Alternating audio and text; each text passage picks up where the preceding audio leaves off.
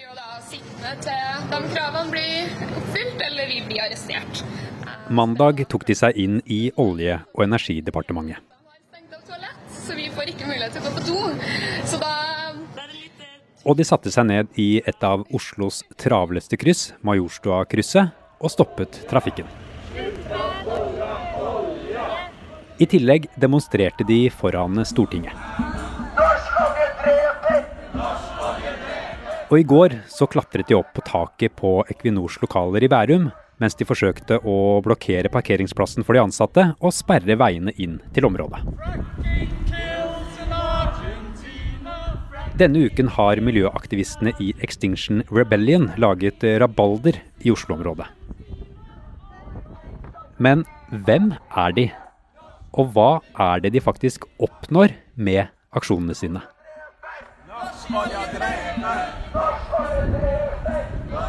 Du hører på Forklart fra Aftenposten, og jeg heter Andreas Bakke Foss.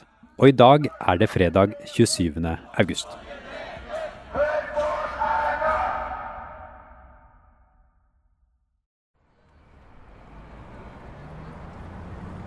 Nå er vi på vei til NRK på Marienlyst i Oslo. Der skal vi møte en eh, journalist som har laget en dokumentar om Extinction Rebellion.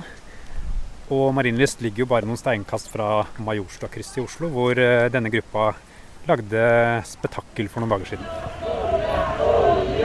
So I see the police are here already.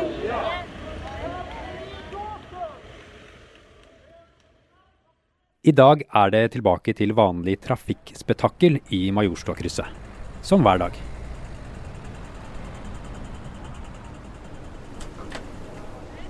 Hei, Azar. Andreas heter jeg. Jeg er Azar Ebrahimi og jobber som journalist og dokumentarskaper i NRK. Og for et par år siden så laga jeg en dokumentar for Innafor, som er en serie for unge voksne. Eh, en episode om Extinction Rebellion. I arbeidet med dokumentaren var Azar med på medlemsmøter og aksjoner. Extinction Rebellion er en aktivistbevegelse som er internasjonal. eh, Og det de gjør, er at de bruker eh, ikke-voldelig sivil ulydighet for å prøve å nå sine mål. Da. Og målet deres er å få myndighetene rundt omkring i verden og å gjøre mer for å stoppe klimakrisa. Extinction Rebellion, som også kaller seg XR, har selv formulert tre klare krav. Myndighetene må si sannheten om et livstruende klimasammenbrudd. Masseutryddelsen av arter må stoppe, og klimagassutslippene må reduseres til null innen 2025. Og de som styrer, må lytte til et representativt borgerråd for å sikre et bærekraftig samfunn. Men hvem er folkene bak? De som tar seg inn i departementer og klatrer opp på taket til Equinor for å få oppmerksomhet om klimakrisen. Det som slo meg da jeg fulgte dem for to år siden, er at det er en gjeng du ikke kan sette i bås. Du har alt fra skoleelever til pensjonister, alt som er imellom. Folk som studerer, folk som har utdanning, jobber, akademikere. Det er rett og slett eh, mange forskjellige. Jeg tror ikke du kunne på en måte pekt på noen på gata og sagt den personen er med i XR, og den personen er ikke med i XR. Det er litt eh, bredere enn som så. Det som samler dem, er nok eh, bekymringa for klimakrisa eh, og det biologiske mangfoldet. At det kommer til å gå tapt. XR ble stiftet i London i 2018. Og ganske fort så gjorde de seg bemerket i den britiske hovedstaden. Strategien var å gjennomføre aksjoner som ga oppmerksomhet. I flere uker så satte de seg ned i veien og blokkerte kjente knutepunkter, som f.eks. Oxford Circus. Now, protesters blocked one of London's busiest junctions today by plonking a large pink table there at the start of. Now, for a second day, protesters from the campaign group Extinction Rebellion have blocked roads in central London. Promising. Og mediesakene om aksjonene de fikk oppmerksomhet også her i landet. I London limte flere demonstranter seg i dag fast til togvogner. Og ikke lenge etterpå så var XR-aksjonen i gang også i Norge. Jeg ble oppmerksom på dem våren 2019. eh, Da de begynte å markere seg her, i Norge i form av litt mindre aksjoner enn det vi var, hadde sett i, i England. Da. Og åpenbart med færre folk. Selv om de var færre, så var det åpenbart en veldig engasjert gjeng. Eh, og vi i redaksjonen her i NRK ble veldig nysgjerrige på hva kan de få til i et land som Norge, da, når de allerede hadde fått til å bli så stor i England på veldig kort tid. Denne uken har XR hatt noe de kaller nordisk opprør. Det de vil få frem, er at eh, vi skal la oljen ligge, og prioritere liv foran vekst. Jo bl.a. noen som har kledd seg ut eh, her, som isbjørn. Det ser veldig varmt ut. Ja, det er det. Er det verdt det? Eh, ja, det er gøy, da. Hvorfor er du her i dag? Um, jeg er her fordi vi står overfor um, en, en krise av dimensjoner da, med tanke på klima og miljø og tap av landområder, tap av havområder og alt sånt. Uh, og det tenker jeg er en, er en kamp som er verdt å, å kjempe for. da. Og måten de har prøvd å få frem dette på denne uken, er ved å bruke det som kalles ikke-voldelig sivil ulydighet. Det betyr at de gjør ting som er ubeleilig for oss andre. Eh, De kan lage blokader i veier, f.eks. De kan ta seg inn i de forskjellige departementene. Det har vi sett at de har gjort i Norge.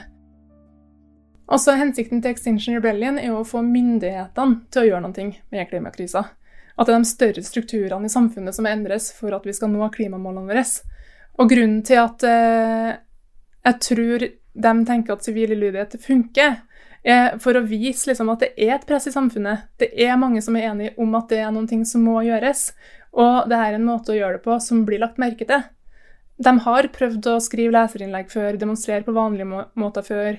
Eh, snakke direkte til politikere før. De har prøvd veldig mange ulike måter før å komme fram til myndighetene og si her må det gjøres noen ting.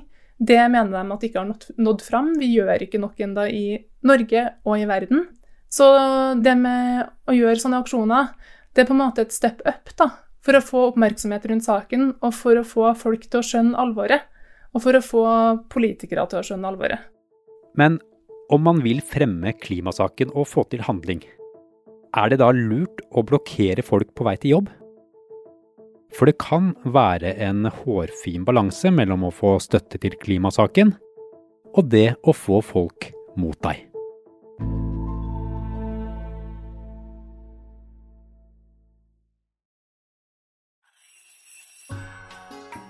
Siden 2018 har XR aksjonert i bybildet og fått oppmerksomhet med sine tydelige krav. Men har det hjulpet? Det første kravet deres er at myndighetene skal erkjenne at det faktisk er en klimakrise. Og da de ble grunnlagt i 2018, og da de gjorde de store aksjonene i London i 2019, så hadde ikke myndighetene i England gjort det enda. Men eh, etter de her aksjonsbølgene så erkjente myndighetene i England at det er, eh, at det er en klimakrise. Eh, og også myndighetene i mange andre land. Så man kan jo selvfølgelig diskutere hva er på en måte korrelasjonen. Men eh, for XR sin del så tror jeg nok at det er et tegn på at det funker, da. Så kanskje dette faktisk funker for XR? Kanskje de med denne uken klarer å endre det politiske landskapet i Norge? Nei, det tror jeg ikke. Eller kanskje ikke. Kjetil B. Alstaheim er politisk redaktør her i Aftenposten, og han tror ikke XR oppnår så mye rent politisk med sin aksjonsuke i Norge. Fordi klima allerede er høyt på dagsorden i, i valgkampen. Uh, ble løftet av uh, den nye rapporten fra FNs klimapanel. Vi har diskusjoner mellom partier om oljepolitikken. Vi har noen tydelige partier som prioriterer klima veldig høyt i, ved dette valget. Og vi har andre etablerte miljøorganisasjoner som, som er mer direkte koblet på politikken og prøver, har mer hva skal si, mer konkrete krav til hvilke endringer som skal, bør skje, mens uh, XR fremstår litt mer generelle i, i kravene sine. Uh, og da blir det, det blir litt retningsløst. Alstaheim tror heller ikke at klimabølgen som rir velgerne nå i valgkampen, gjør at de etablerte partiene på Stortinget må forholde seg til XR. Vi har andre etablerte miljøorganisasjoner som, som Eh, som også, noen av dem har også brukt uh, sivil ulydighet. Miljøstiftelsen Bellona Naturungdom gjør det av og til. vi har en tradisjon fra 1970-tallet med aksjoner mot vannkraftutbygging. sånn at det er ikke noe nytt med sivil ulydighet i miljøkampen i Norge. Men det har stort sett vært mer tydeligere krav uh, når uh, organisasjonene har, uh, har, aksjonert mot et utslipp, mot en utbygging eller mot en bestemt leterigg, f.eks. Og Aftenpostens politiske redaktør kaller Extinction Rebellion en litt fremmed fugl i klimadebatten i Norge. Fordi det er så mange etablerte organisasjoner og partier fra før som er opptatt av klima- og miljøspørsmål. Sånn at det er, mange, det er en levende debatt fra før. Og så syns jeg en problematisk side ved XR er at er, de, eh, den bevegelsen har et litt uh, utydelig, uh, for å si det på en pen måte, forhold til demokratiet. Der de hevder at flertallet av folkets mening ikke kommer til uttrykk, og at de da må finne på et sånn borgerråd eller noe sånt ved siden av. folket, Vi står midt oppe i en valgkamp. Da kan folket si sin mening ved å gå og stemme på de partiene som de mener har den beste klimapolitikken. Det, det, det er borgerrådet. Det heter Stortinget. Aksjonene denne uken har uansett skapt mye oppmerksomhet i mediene. Samtidig mener NRK-journalist Azar Ebrahimi at XR bevisst balanserer på en knivsegg. Altså, det er jo på en måte det som dekkes i spesielt Storbritannia, der de har hatt de største aksjonene. De har utrolig mange støttespillere, men de får selvfølgelig også motstandere. Og det tror jeg er en slags knivsegg som XR er veldig bevisst at de står på. da. Eh, så da handler det om å på en måte få dem til å tippe i riktig retning. Men vi har jo sett siden 2018 hvor mye, eh, hvor mye bevegelsen har vokst, så de har jo absolutt fart akkurat nå. Og så I tillegg så lener de seg jo på historien. Eh, hva man har gjort i form av sivil ulydighet som er ikke-voldelig før. Og da viser man til borgerrettighetskampen i USA, eh, kampen mot apartheid, eh, kampen til, for eh, uavhengighet i India. Også det historien viser at det har funka tidligere. Eh, men om det gjør det nå, det, det gjenstår jo fortsatt å se.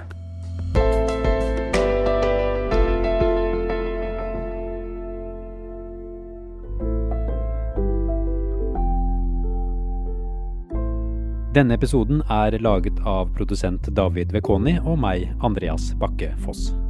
Resten av Forklart er Peter Dotland, Marit Eriksdatter Gjelland, Fride Nonstad, Anne Lindholm og Guri Leil Skedsmo.